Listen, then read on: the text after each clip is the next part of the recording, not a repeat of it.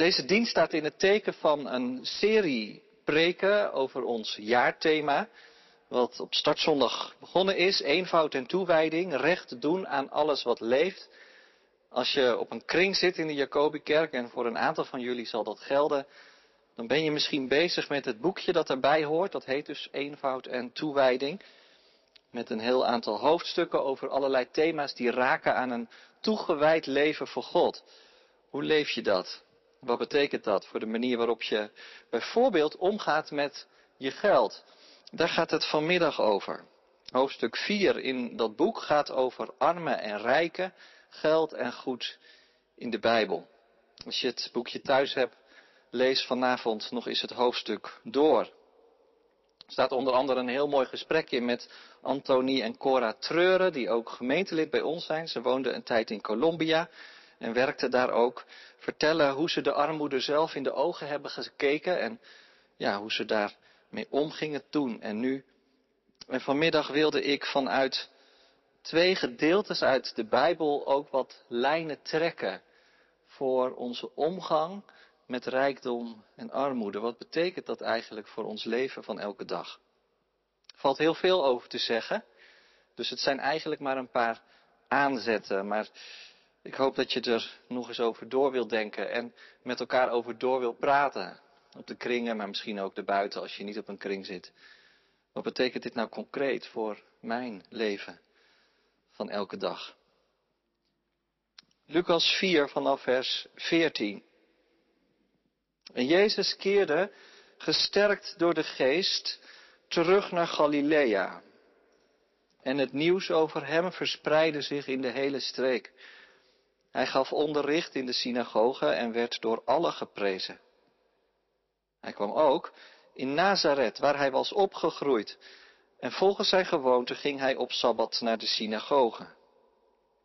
Toen hij opstond om voor te lezen, werd hem de boekrol van de profeet Jezaja overhandigd en hij rolde hem af tot de plaats waar geschreven staat. De geest van de Heer rust op mij, want hij heeft mij gezalfd om aan armen het goede nieuws te brengen.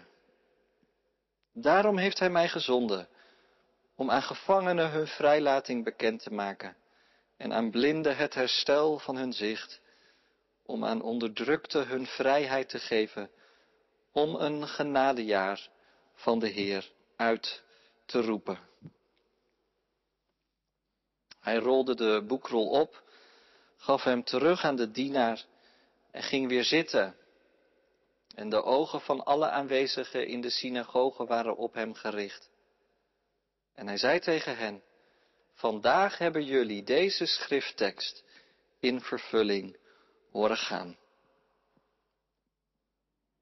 1 Timotheus 6 vanaf vers 6. Voor wie tevreden is met wat hij heeft, is het geloof grote winst. Wij hebben niets in deze wereld meegebracht en kunnen er ook niets uit meenemen. Wij hebben voedsel en kleren Laten we daar tevreden mee zijn. Wie rijk wil worden, staat bloot aan verleiding, raakt in een vals strik en valt ten prooi aan dwaze en schadelijke begeerten die een mens in het verderf storten en ten onder doen gaan. Want de wortel van alle kwaad is geldzucht. Door zich daaraan over te geven zijn sommigen van het geloof afgedwaald en hebben ze zichzelf veel leed berokkend. Maar jij, een dienaar van God, moet je hier verre van houden. Streef naar rechtvaardigheid, vroomheid, geloof, liefde, volharding en zachtmoedigheid. Strijd de goede strijd van het geloof. Win het eeuwige leven waartoe je geroepen bent en waarvan je in aanwezigheid van velen zo'n krachtig getuigenis hebt afgelegd. Ten overstaan van God, die alles in leven houdt, en Christus Jezus, die voor Pontius Pilatus een krachtig getuigenis heeft afgelegd, draag ik je op je taak vlekkeloos en onberispelijk uit te voeren, totdat onze Heer Jezus Christus verschijnt. Op de dag die is vastgesteld door de verheven en enige heerser, de hoogste Heer en Koning. Hij alleen is onsterfelijk en hij woont in een ontoegankelijk licht. Geen mens heeft hem ooit gezien of kan hem zien. Aan hem zij de eer en de eeuwige kracht. Amen. Draag de rijken van deze wereld op om niet hoogmoedig te zijn en hun hoop niet in zoiets onzekers te stellen als rijkdom, maar op God, die ons rijkelijk van alles voorziet om ervan te genieten. En draag hun op om goed te doen, rijk te zijn aan goede daden, vrijgevig en bereid om te delen. Zo leggen zij een stevig fundament voor de toekomst en winnen ze het ware leven. Dit is het woord van God. Gelukkig wie het hoort en het bewaart in het hart. Verkondiging vertrekt in Lucas 4. En dan komen we ook in 1 Timotheus 6 en ook nog op wat andere plekken in de Bijbel uit. Een mooie samenvatting is denk ik 1 Timotheus 6 vers 17 tot en met 19. Die laatste versen die we al hebben gelezen. Draag de rijken van deze wereld op om niet hoogmoedig te zijn en hun hoop niet in zoiets onzekers als rijkdom te stellen, maar op God, die ons rijkelijk van alles voorziet om ervan te genieten. En draag hun op om goed te doen, rijk te zijn aan goede daden, vrijgevig en bereid om te delen. Zo leggen zij een stevig fundament voor de toekomst en winnen ze het ware leven.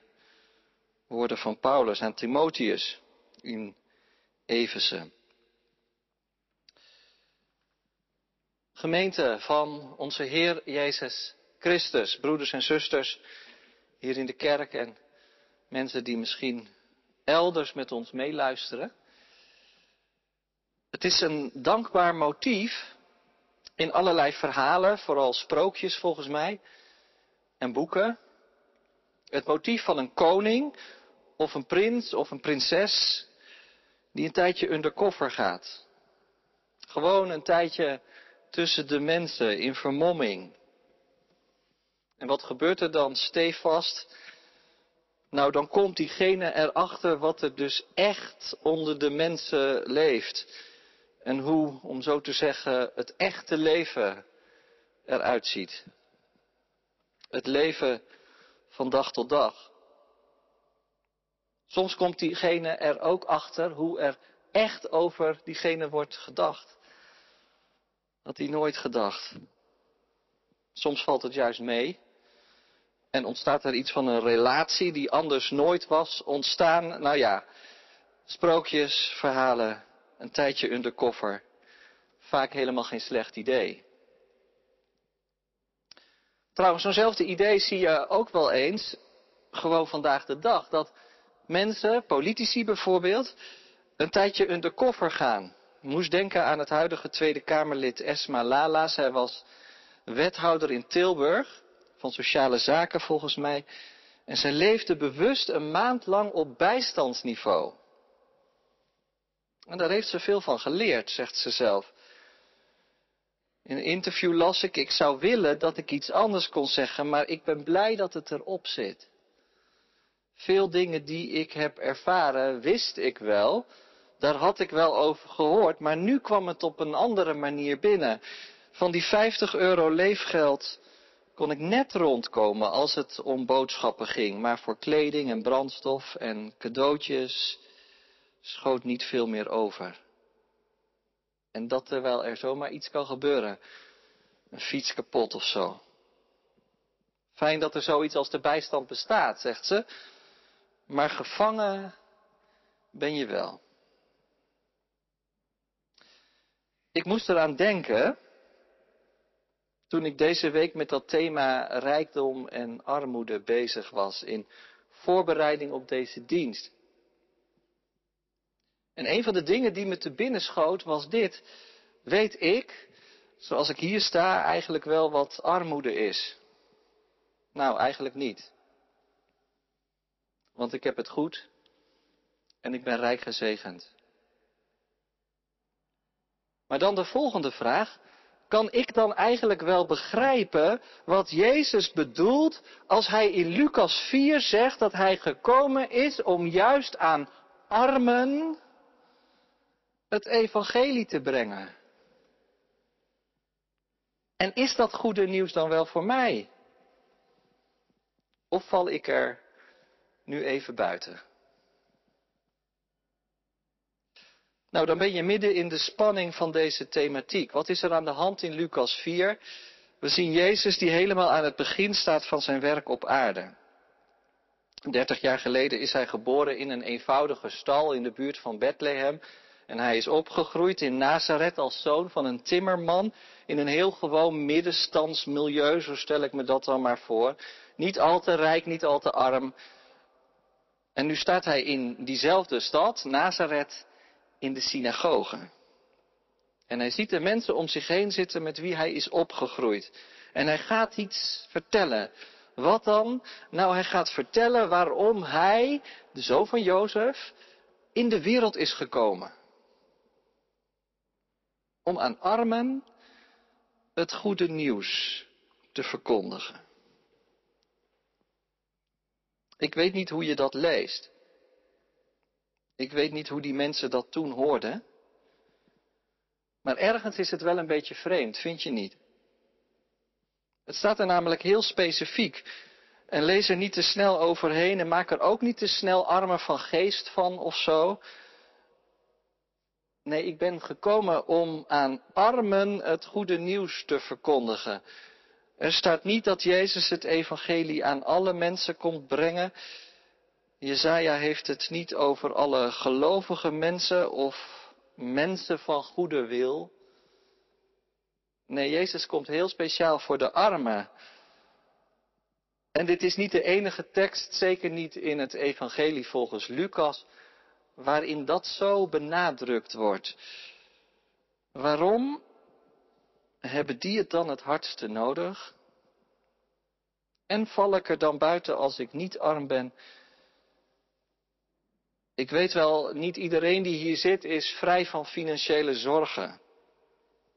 Ik ken een aantal van jullie verhalen. Maar een heleboel van ons hebben het toch ook redelijk goed. Val je dan buiten het evangelie? Nou, Jezus stelt het wel op scherp. Wat zei hij ook alweer over die kameel en het oog van de naald? Ook in het evangelie volgens Lucas. Nou, dat het voor een rijke heel moeilijk is om het koninkrijk van God binnen te komen. Net zoals het voor een kameel heel moeilijk is om door het oog van een naald te kruipen. Bijkans onmogelijk.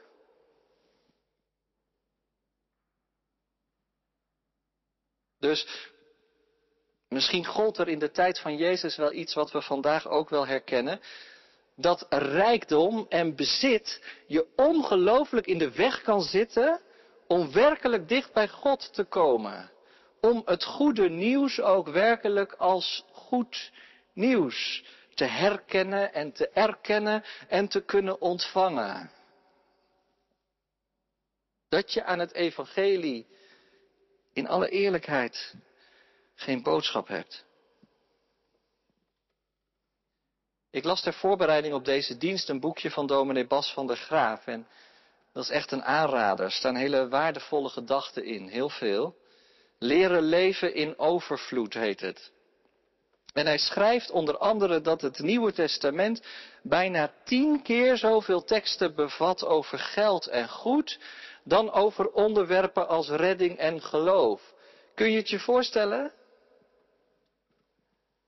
Blijkbaar heeft dat alles met elkaar te maken. Je geloof en je bezit. Een gelovig mens herken je blijkbaar aan de manier waarop hij met zijn bezit omgaat. Als dat toen al niet een groot thema was geweest, dan had Jezus er ook al toen niet zoveel over gezegd. Bijna de helft van zijn gelijkenissen zijn aan dit thema gewijd. En weet je wat de kern van het probleem is volgens Jezus? Dat rijkdom en bezit zomaar de plek innemen in ons leven die bedoeld is voor God. dat het een afgod wordt. En dat is trouwens een probleem van alle tijden en van alle plaatsen. Ik ben bezig een paar van die Chinese karakters te leren. En heel vaak zijn die karakters plaatjes. Een soort van oersymbolen ook wel. Ik kwam er toevallig gisteren achter dat het karakter voor dollar een knielend mannetje is. Ja, dat vergeet ik dus nooit meer.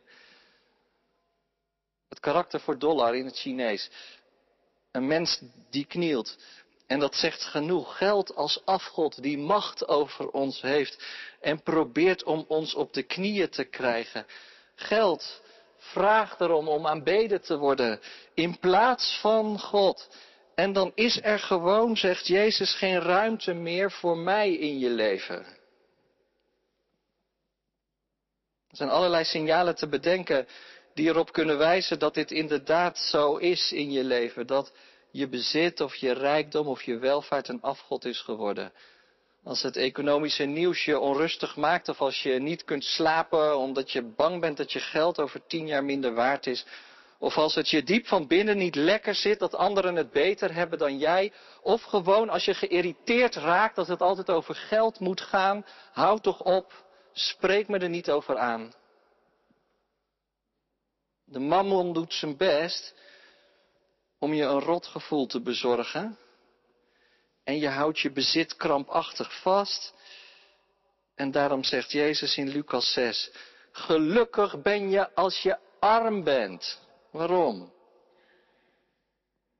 Nou, dan heb je misschien geleerd om naar de vogels te kijken. Om te ontvangen, om los te laten. En alleen door los te laten, zo las ik onlangs in een interview, kun je ervaren wat het is om gedragen te worden. Dus als het gaat om het thema van vanmiddag, dan is dat misschien wel de eerste stap die we moeten zetten. Wat moet je loslaten? Of beter gezegd, wat mag je loslaten? Om er iets anders voor in de plaats te ontvangen, de goede zorg van een Vader in de hemel. Misschien moet je het wel zo zeggen, als je werkelijk het evangelie wilt ontvangen, dan moet je eerst arm worden voor God. En dat is wat anders dan arm worden zodat je helemaal niets meer hebt. Maar het is wel dat je iets herkent van de bedelaar. Dat is het woord dat hier gebruikt wordt. Iemand die zijn hand ophoudt. Leren leven van wat je krijgt. En voor zulke mensen is het evangelie werkelijk goed nieuws. Want het opent een hele nieuwe wereld van dingen die je uit genade gegeven worden. Het goede nieuws voor de armen. Dat kom ik brengen, zegt Jezus. Je zegt oké, maar wat betekent dat dan in de praktijk? Moet ik dan alles verkopen wat ik heb of zo? Nou, misschien wel. Je kent vast het verhaal van Franciscus van Assisi. Hij was de zoon van een rijke handelaar en hij leefde in zijn jonge jaren een onbezorgd en rijk leven totdat hij ziek werd en ineens op allerlei manieren werd aangeraakt door God, ervaringen had van de eeuwige en het bracht hem op een ander spoor. En hij begon gewoon maar wat dingen weg te geven. En hij begon te merken dat juist het weggeven van zijn bezit hem een gevoel van bevrijding gaf. Bijzonder. Hij zat blijkbaar gevangen in zijn rijkdom, maar door het weg te geven werd hij ervan bevrijd. En hij was jarenlang blind voor de afgod van het geld. Maar nu had hij Jezus gezien en nu wist hij wel beter. En uiteindelijk gaf hij zijn hele bezit aan de priester van een kerkje in de plek waar hij woonde. En was hij helemaal vrij om Jezus in alles te volgen. Ja, maar meen je dat nou serieus? Denk je misschien, moeten wij dat dan allemaal maar gaan doen? Kan in elk geval wel heilzaam zijn om eens heel goed bij jezelf te raden gaan. Als ik iets weg zou moeten geven, Wat zou dat dan zijn? Misschien wel iets waar je meer op vertrouwt dan op God. Wat zou ik op moeten geven, andere vraag, om mijn vrijheid terug te krijgen? Soms hoor je iemand zeggen, ik wil eigenlijk wel ander werk doen, maar ja, ik zit in een gouden kooi.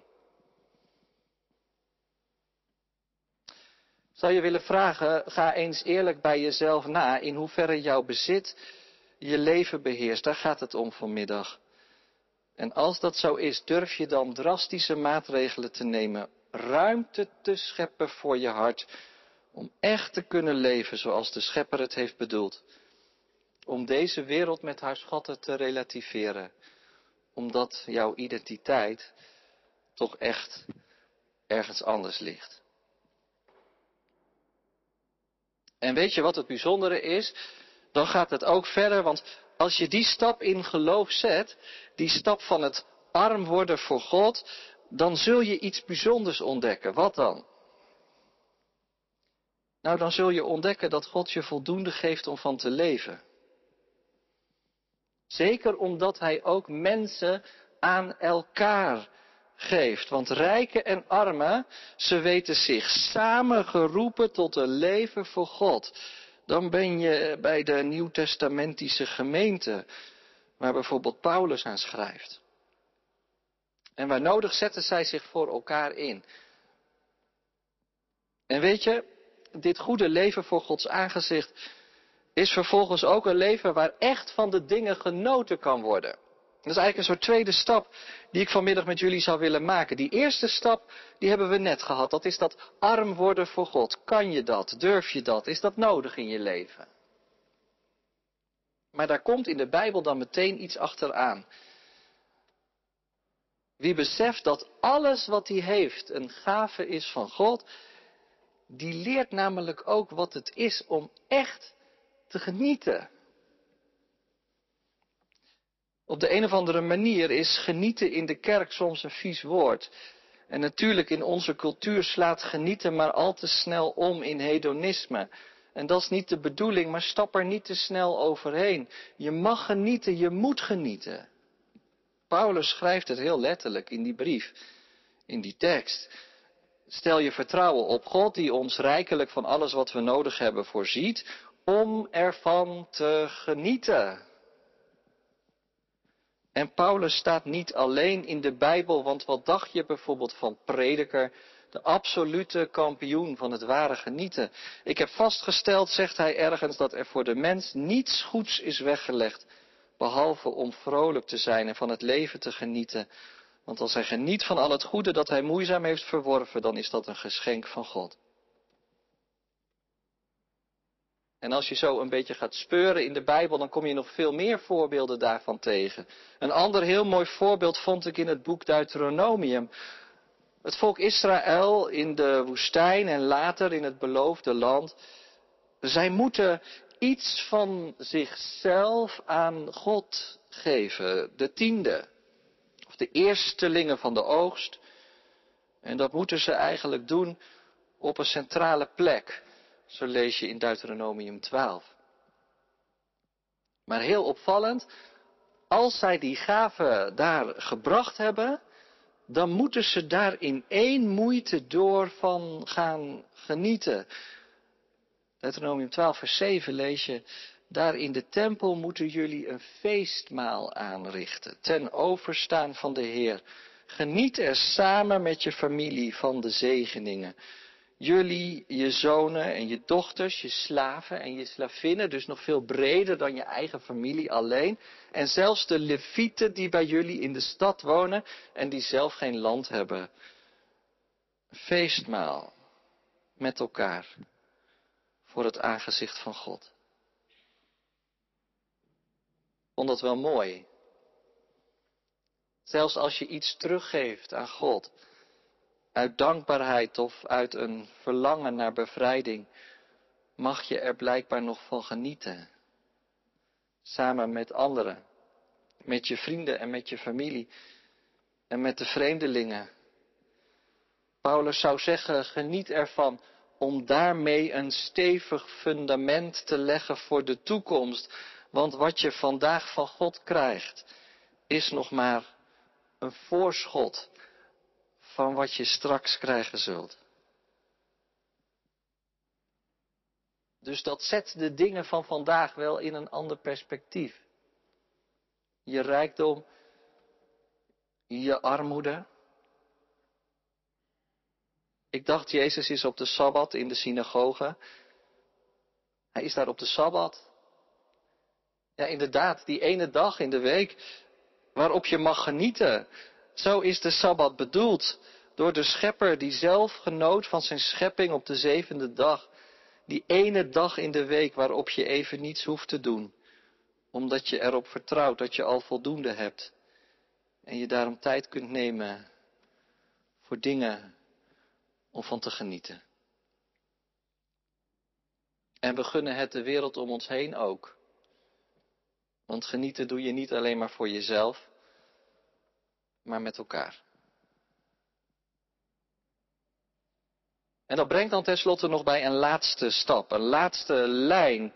En daarvoor ga ik nogmaals naar die tekst van Paulus, want daar komen al die stappen als het ware één voor één voorbij. Die stappen die we net genomen hebben. Eerst dat arm worden, dat heeft dus met vertrouwen te maken. Op wie vertrouw je? Is er een afgod in je leven? Of stel je je vertrouwen op God? Paulus zegt, draag de rijken op om op God te vertrouwen en te genieten van wat Hij geeft. En vervolgens zegt hij, en draag hen ook op om goed te doen en rijk te zijn aan goede daden. Ik zou bijna zeggen een soort woordgrapje. Rijk te zijn aan goede daden. Je snapt hem wel, denk ik. Vrijgevig en altijd bereid om te delen. Zie je wat er gebeurt? Dat gaat in één moeite door.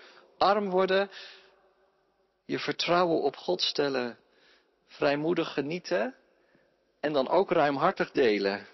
Dat hoort blijkbaar onlosmakelijk bij elkaar. En inderdaad, door zo te leven leggen jullie een stevig fundament voor de toekomst. Je zou ook kunnen zeggen, zo bouwt Christus zijn kerk op aarde. En zo winnen jullie, zegt Paulus, het ware leven. Leven zoals het is bedoeld. Dat is leven wat deelt. Het is trouwens best wel een hele claim van Paulus. Dat je het ware leven wint door te delen. Hoe weet Paulus dat eigenlijk?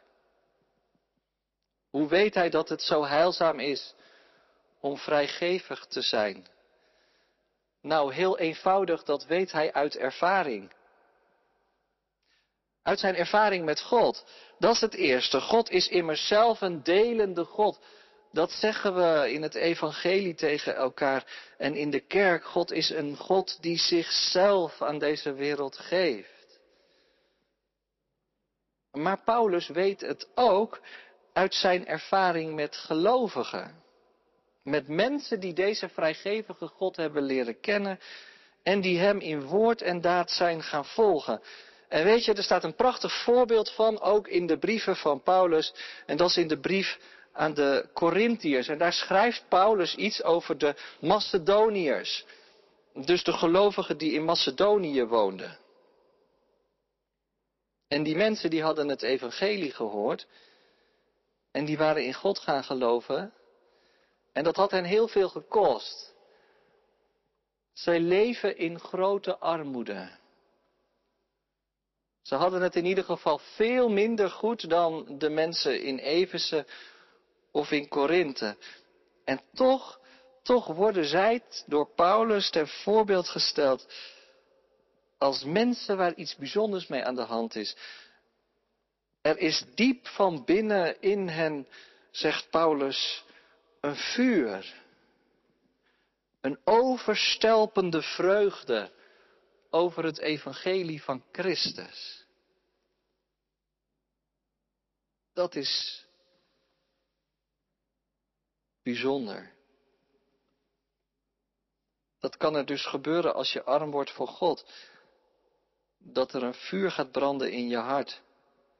En die mensen hadden aan Paulus verzocht om alsjeblieft mee te mogen doen met de collecte voor Jeruzalem, waar Paulus mee bezig is. Ik las ergens, vaak denken wij dat het de fondsenwervers zijn die voortdurend moeten pushen en bedelen om een bijdrage, maar hier zijn het dus de donateurs die zichzelf opdringen, omdat ze hebben geleerd dat het zaliger is om te geven dan om te ontvangen. En ik dacht, misschien ken je zelf ook wel voorbeelden van mensen die echt niet zoveel hebben, maar die wel vrijmoedig durven delen van wat ze bezitten. Misschien van hun geld, maar misschien ook wel van hun tijd. Of van hun gastvrijheid. Of van de tijd die ze nemen om te bidden.